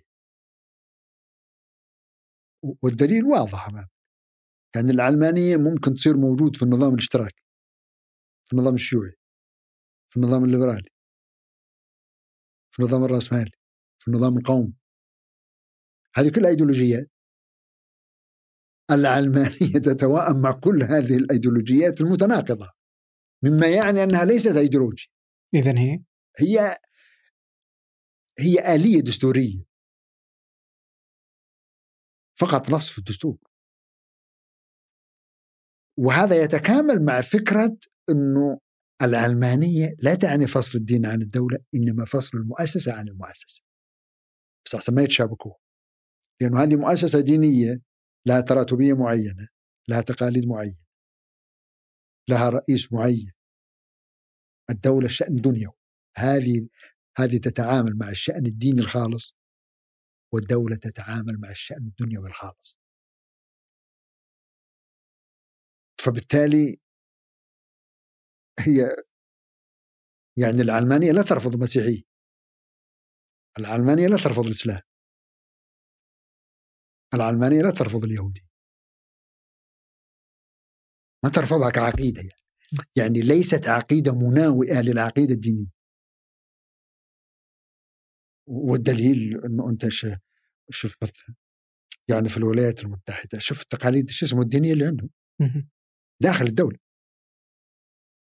لا يمنع الدستور الأمريكي هذا الدستور الذي ينص على الفصل ما يمنع إنه مثلا واحد قس يصير رئيس الجمهوريه ولا يمنع واحد آه، مسيحي يصير رئيس الجمهوريه مثل بايدن. بايدن كاثوليكي يعني متمسك. يحق لك أنت مثلا على فكرة في يعني في في المناصب اللي فيها انتخابات في الولايات المنتخبة في الولايات المتحدة أنك تقسم على القرآن ولا تقسم على المسيح شو اسمه على الإنجيل ولا تجيب نص الدستور نفسه وتقسم عليه. أنت تختار. هل هذه محصورة على المناصب الانتخابية اللي إيه. تحت الرئاسية؟ أي منصب يحتاج قسم أنت ممكن تقسم على اللي تبغى. ممكن يكون مسلم رئيسا للولايات المتحدة أو... نظريا نعم. مم. نعم نظريا وارد جدا. لكن عمليا غير وارد حاليا. هذا له علاقة ب... ب...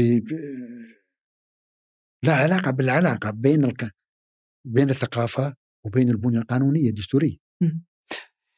طيب بس إذا فصلنا شوف مثلا في القرن التاسع عشر ما كان يمكن ليهودي أنه يصل إلى منصب يعني كبير في الدولة. مستبعد جدا. الأسود في قصة في التاريخ الأمريكي لطيفة جدا. هذه قصة واحد اسمه ريد سكوت أسود. كان هذا في ستينات القرن التاسع عشر. قريب من الحرب الأهلية. كان عبد مملوك فقرر الرجال إنه رفع قضية إنه أنا أريد من القضاء الأمريكي إنه يعطيني الحقوق الموجودة في الدستور حقكم هذا أنا مواطن أمريكي ولا لك أعطوني حقوقي هذه الحقوق المنصوص عليها في الدستور أنا أبغاها. ليش ما أقدر اخذ؟ تصاعدت القضية موثقة في الكتب في الت... يعني في كتب التاريخ وكتب الدراسات اللي عن يعني عن السياسة الأمريكية تصاعدت قعدت أكثر من عشر سنوات إلى أن وصلت المحكمة العليا. بعدين صدر حكم المحكمة العليا ضد الرجل. قال له أنت أن الدستور يقصد به المواطن الإنسان العادي. أنت يع- يعني إنسانيتك ناقصة. أنت مستعبد. أنت تباع أنت مثل يقول أنت تباع وتشترى. يعني كأنك أنت سلعه مم. في نص كاتبه شو اسمه؟ التشيف جاستس اللي هو رئيس المحكمة العليا. نص كاتبه بالتفصيل الحكم.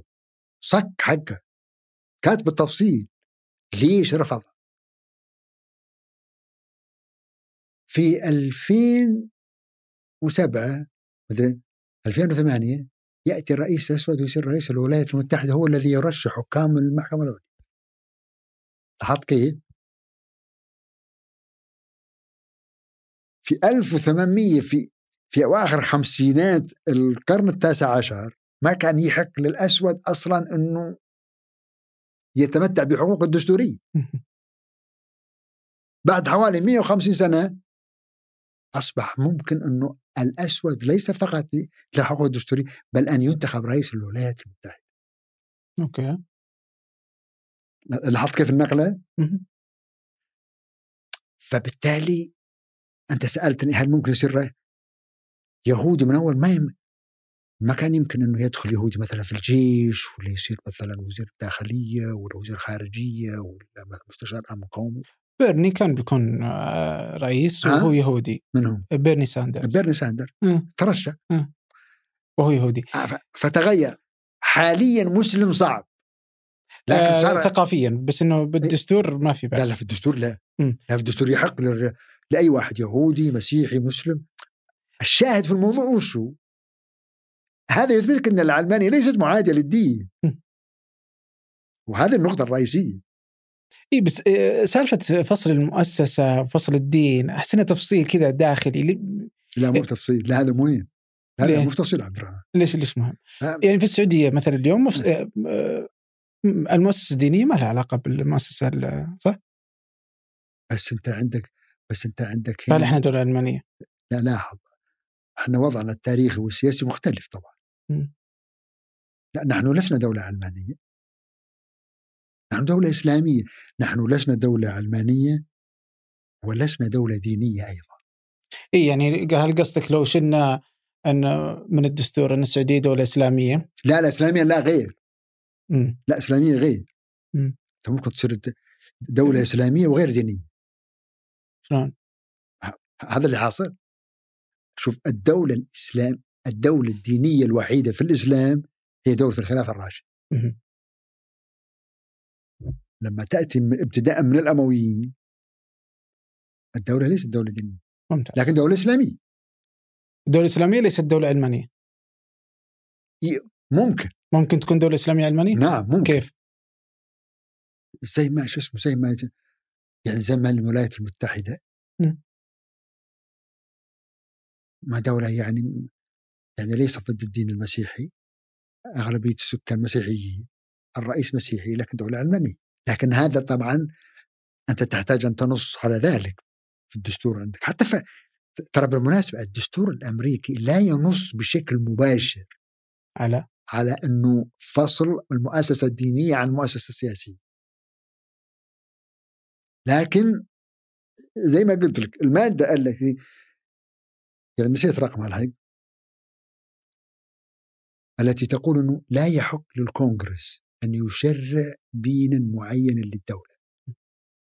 هذه تقريبا خلاص يعني معنى تفاصيل يعني أنت ما حددت يعني أنت لم تعطي للدولة هوية دينية. ولذلك ممكن يصير رئيس مسيحي ممكن يصير رئيس يهودي ممكن يصير رئيس مسلم ممكن مم. ممكن ممكن يجي إي بس آه، آه، هذه واضحة بس اللي ما فهمته شلون ممكن الدولة الإسلامية تكون آه، علمانية؟ لأنه هي أنت تقول ممكن صح؟ إي نعم إيه. لأنه الإسلام هوية ثقافية تاريخية لا فيها العنصر الديني لكن عندما شوف مثلا في إيران دولة إسلامية ودينية مهم. إيران ليست دولة علمانيه لكنها دولة دينية لماذا؟ ليه؟ لأنها مبنية على مبدأ ديني ولاية الفقيه ولاية الفقيه مرتبطة على الإمامة الفقيه ما معنى ولاية الفقيه؟ الفقيه يتولى الحكم حتى يعود الإمام الغائب اللي لا يزال حي في ال- شو اسمه هو غائب في العراق. مم. الإمام الثاني عاش اسمه محمد بن الحسن العسكري. هذا اختفى وسيعود. لا يزال حيا مم. حسب حسب العقيدة طبعا الشيعية الاثنى عشري فهذه أصلا يعني الخميني وخامنئي هذا حاكم مؤقت لدولة دينية حتى يعود الامام فهي مبنية على أساس ديني أصلا. هي مفهوم دين الطبقة الدينية هي الطبقة الحاكمة في الدولة الإيرانية. من من المرشد. الذي يملك أغلب سلطات الدولة عنده حتى البرلمان. مع- على فكرة يعني نص المادة الثانية في الدستور الإيراني ينص انه إيران دولة إسلامية على المذهب الاثنى عشري.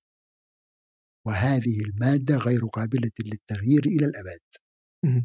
في السعودية مو دولة إسلامية على مذهب إسلامية؟ لا. السنة؟ لا لا ما في. على كتاب السنة؟ لا لا. على الكتاب والسنة. مم. مش على مذهب معين. سنية؟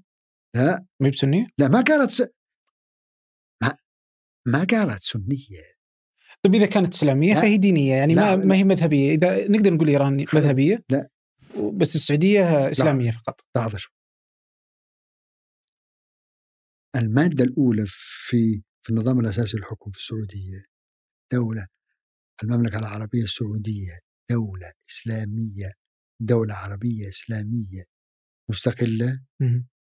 ودستورها الكتاب والسنة الكتاب والسنة السنة مفتوحة. مم. ليست شيعية. إسلامية فقط. إسلامية. الدينية لكنها ليست حنبلية. ليست حنفية. يعني المشرع أعطى نفسه مساحة واسعة. القرآن والسنة ممكن يختار. أنت تختار أنت مثلا في عهد عبد الله بن عبد اللطيف في عهد الملك عبد العزيز تختار تشريعات معينة. حسب المرحلة حقتك. مستمدة من الكتاب والسنة. كويس؟ في مرحلة الملك فهد تتخذ تشريعات ثانية وتدخل تشريعات من خارج الشريعة لكن لا تتصادم مع الشريعة. وهكذا. أنت معطي نفسك مساحة واسعة تتحرك فيها. يعني ما ألزمت نفسك بمذهب معين ولا بمدرسة معينة. الطبقة الحاكمة ليست طبقة دينية لا الوزراء ولا الملك ولا ولي العهد ولا النظام التعليمي النظام التعليمي في نظام تعليمي ديني وفي نظام تعليمي تقدر تسميه دنيوي علماني. ولا نظام يعني أنظمة كثيرة يعني. أي في فهي دولة إسلامية. الإسلام هوية ثقافية. يعني الجزائر دولة إسلامية. لما تروح. تروح لمنظمة العمل لا الاسلامي لا بس إنه آه، آه، السعودي لا يكون سعودي إلا مسلم. حاليا. مم. حاليا. مم. نعم. حاليا نعم. صحيح. و- ومؤسسة يعني بس لاحظ بس بس انتبه. مم. بالنسبة للسعودية. لأن السعودية أصلا م- ما فيها إلا مسلمين. الجزيرة العربية بعد ظهور الإسلام ما في إلا مسلمين. وش؟ ما عندك إلا مسلمين. أنت ما اخترت أصلا. الدولة السعودية قامت في القرن الثامن عشر. في القرن الثامن عشر سكان الجزيرة العربية كلهم مسلمين. أغلبيتهم سنة فيهم طبعا شيعة وفيهم إسماعيلية. لكن كلهم مسلمين. طيب. الدولة السعودية يعني لم تأتي تقول إحنا بنسوي دولة ولن يدخل عندنا الا مسلم. لا هي قامت أصلا في في بلد مسلم كذا بهذا الشكل هذه هويته في إيران لا. إيران أختارت. المادة 72 ماذا تقول؟ لا يحق لمجلس الشورى أن يمرر أي نظام يتعارض مع مبادئ المذهب الرسمي للدولة أو مع مبادئ الدستور. لاحظ فاصل الاثنين. مجلس حماية مصلحة النظام. هو اللي طبعا يراقب شو اسمه يعني دستورية القوانين مكون من 12 ستة فقهاء على المذهب الاثنى عشري وستة في الدستور. المادة 72 تقول ما يحق لك ليس فقط معارضة الدستور لكن ما تعارض المذهب. مبادئ المذهب الرسمي للدولة. فأنت أمام نظام ديني مذهبي بنصوص دستورية ملزمة. لما تأتي للنظام الأساسي للحكم في السعودية ما فيه المواد هذه كلها. أنت أمام يعني مصر دولة إسلامية. الجزائر دولة إسلامية. طب هل, طب هل هي دول علمانية؟ ها؟ هل هي دول علمانية؟ لا مصر الجزائر السعودية. يعني ممكن تقول الجزائر ممكن تقول علمانية مصر. مصر مم مصر في يعني الأزهر مفصول عن ال... في جدل. بس الأزهر وال في جدل. آه. هو الأزهر طبعا هي مفصولة وفقا لتعريفك. لا. يعني أنت تقول إنه إذا المؤسسة مفصولة خلاص إحنا علماني لا لاحظ يعني الأزهر اللي يعينه طبعا رئيس جمهوري. في مصر. نحن الذي يعين القضاة هو الملك. كويس. والذي يعين مثلا هيئة كبار العلماء هو الملك. نحن حالة متداخلة فيها الديني مع الدنيوي لكن الدولة ليست دينية كما قلت لك وليست علمانية إيه فما يمدينا نسحب يعني هذه نقطة إنه ما يمدينا نسحب مصطلح العلمانية اللي نشأ في يعني كذا مع الثورات في أوروبا اللي كانت ضد الدين نعم نعم نعم. ونسحبها سحبا كذا إلى القرن الحادي والعشرين لا, لا, لا شوف ونقول لا لا لا لا لا لا لا لا ما تفهمني خطأ. آه. أنا ما أقول لك إنه هذا لازم يصير ولا أنا أوصف واقع. آه. أنا أوصف مفهوم العلماني أنا أقول لك هذه العلمانيه هذه معنى العلماني سالت الدولة السعوديه علمانيه يقول لك لا. بس ننطبق لكنها ليست دولة دينية. مواصفات الدولة الدينية تجدها في الخلافة الراشدة. متى تصير السعودية دولة علمانية؟ إذا ماذا يحدث؟ إذا نصت على هذا الشيء. أنه أنا دولة علمانية يعني مثلا زي تركيا. شوف تركيا دولة إسلامية علمانية إيه، شوف مثلا تركيا نموذج دولة إسلامية علمانية هي دولة إسلامية ودستورها ينص على فصل شو اسمه المؤسسة الدينية عن المؤسسة أو فصل الدين عن الدولة مثلا عندك على فكرة العلمانيه أيضا درجات لا يعني إذا يعني إذا إنها كذا قصدي بس يضاف بند جديد أيوة. فصل الدين عن الدولة فصل المؤسسة الدينية عن الدولة وتصير علمانيه بدون ما غير ولا شيء. لا لا. لا لما تنص في الدستور. هذا لأنها مفصولة already يعني قصدي ما التبعات. لما تنص التبعات في شو اسمه لما تحط أنت مثلا لما مجلس الشورى يمرر نظام يجيك واحد هل هل يتعارض مع الدستور ولا لا؟ ما تقدر أنت تنص شيء ضد الدستور. ما تقدر تشرع شيء ضد الدستور. ما تستطيع تفعل هذا الشيء. ممكن تمارس أنت عملية بدون إنك ما ما تلزم نفسك بنص. ممكن هذا إذا كان مثلا مثلا صدام حسين يقدر يسوي اللي يبغاه لكن لما تحط نص أنت في الدستور لا تستطيع إنك تشرع شيء ضد الدستور. ما تقدر تسوي هذا الشيء منطقي أي. أه. لكن لما تتركه ما تر... لا تنص على شيء في الدستور تعطي نفسك مساحة اي في بحبوحة إنك تتحرك إيه أيوه تحرك أه. تحط شيء علماني وتحط شيء ديني ما ما حد يقدر يتهمك إنك أنت خالفت الدستور أنت أنت ملزم بالأشياء هذه مم. المسألة معقدة ليست بالبساطة إنك. تركيا كما قلت لك تركيا دولة علمانيه حتى أت... حتى شو اسمه أخونا أردوغان وهو رئيس حزب إسلامي حتى الآن لم يتمكن لم يفكر على الأقل أو على على الأقل لم يعلن أنه يفكر بتغيير المادة الموجودة في الدستور التركي عن علمانيه الدولة. بالعكس هو ل- لما زار مصر بعد بعد تولي الإخوان ط- طلبهم بالعلمانيه وزعلوا عليه. لو تتذكر. حتى الحزب الإسلامي اللي في تركيا لا يرى تغيير يرى أنه بإمكانية موائمه العلمانيه على فكرة ترى في علمانيه فرنسية وفي علمانيه أمريكية. لا العلمانيه في فرنسا هي لحماية الدولة.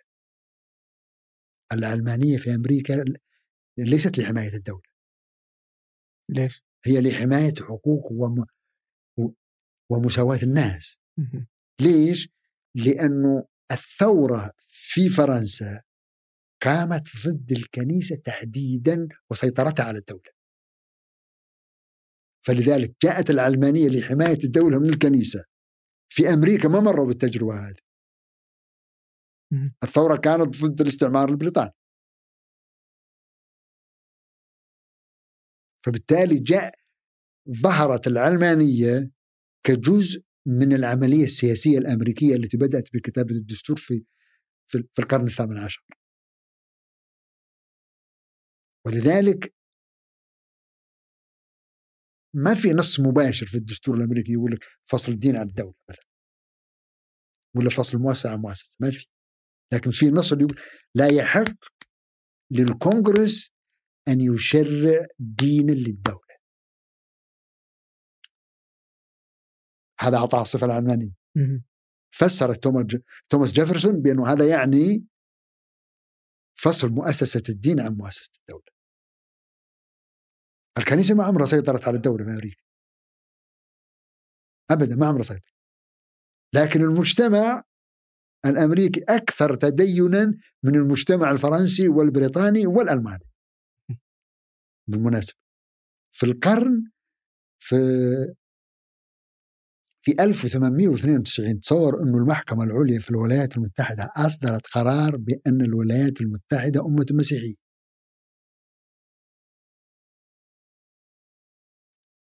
كيف الدستور. ما- يعني ما يد... يعني هذا ما يتماشى مع نص الدستور. بس الحس الديني في الولايات المتحدة قوي. زي ترامب يوم آه، آه، مع كورونا راح بالمسيح وطلب إنه المسيح يعني أصلا حتى وقت قريب الرئيس دائما يوم الأحد يأخذ معه الكتاب المقدس يروح مع عائلته يصلي في الكنيسة. تعرف يعني المشهور عن المصريين إنه عندهم حس ديني قوي. هذا معروف عنه. وحس ديني إسلامي قوي. حتى الرئيس ما يتجرأ يعني يتصادم معه من الناحيه هذه. لكن مع ذلك ليست دولة دينية. بس إنها دولة إسلامية. بس بس, دولة إسلام إسلامي لا يعني ديني بالض- بالضرورة. والدليل التاريخ الإسلامي نفسه. شو اسمه قارن الخلافة الراشدة مع الدولة الأموية ولا الدولة العباسية. قارن بينهم. في الدولة ال- في الدولة الأموية تميز الجانب الديني أو المجال الديني عن المجال السياسي. ففصلت المؤسسة الدينية؟ لا هو ف... هي ظلت دولة أنت لما تقول دولة إسلامية طبعا طبق الشريعة مثلا. مم. يعني الشريعة مطبقة لكن في عهد في عهد الخلافة الراشدة كان في تداخل بين المجال يعني من شروط الخليفة السابقة في الإسلام العلم بالشرع أن تكون من طبقة الفقهاء. من طبقة الذين عندهم علم في الدين.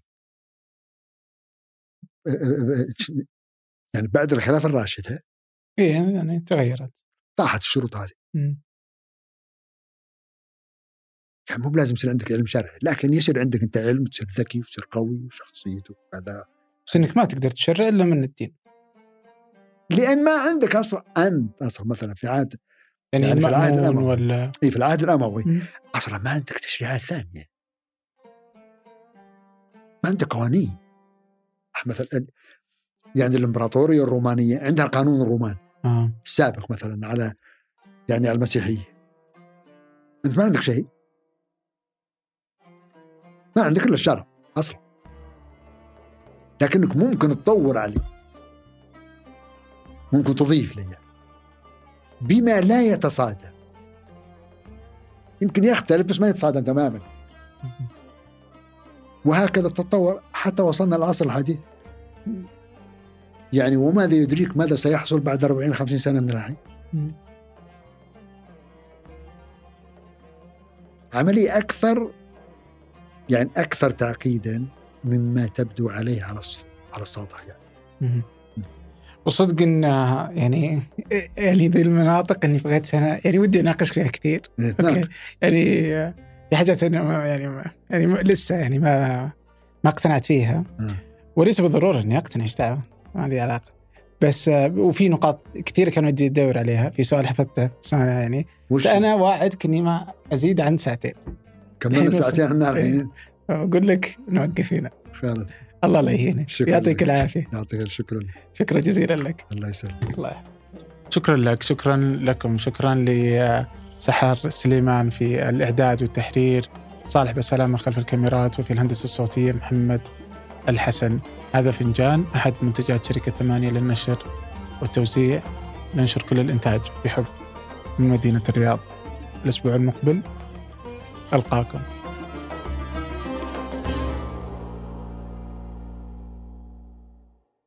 شكرا لك. عن كل عن كل هالحكي ما اقتنعت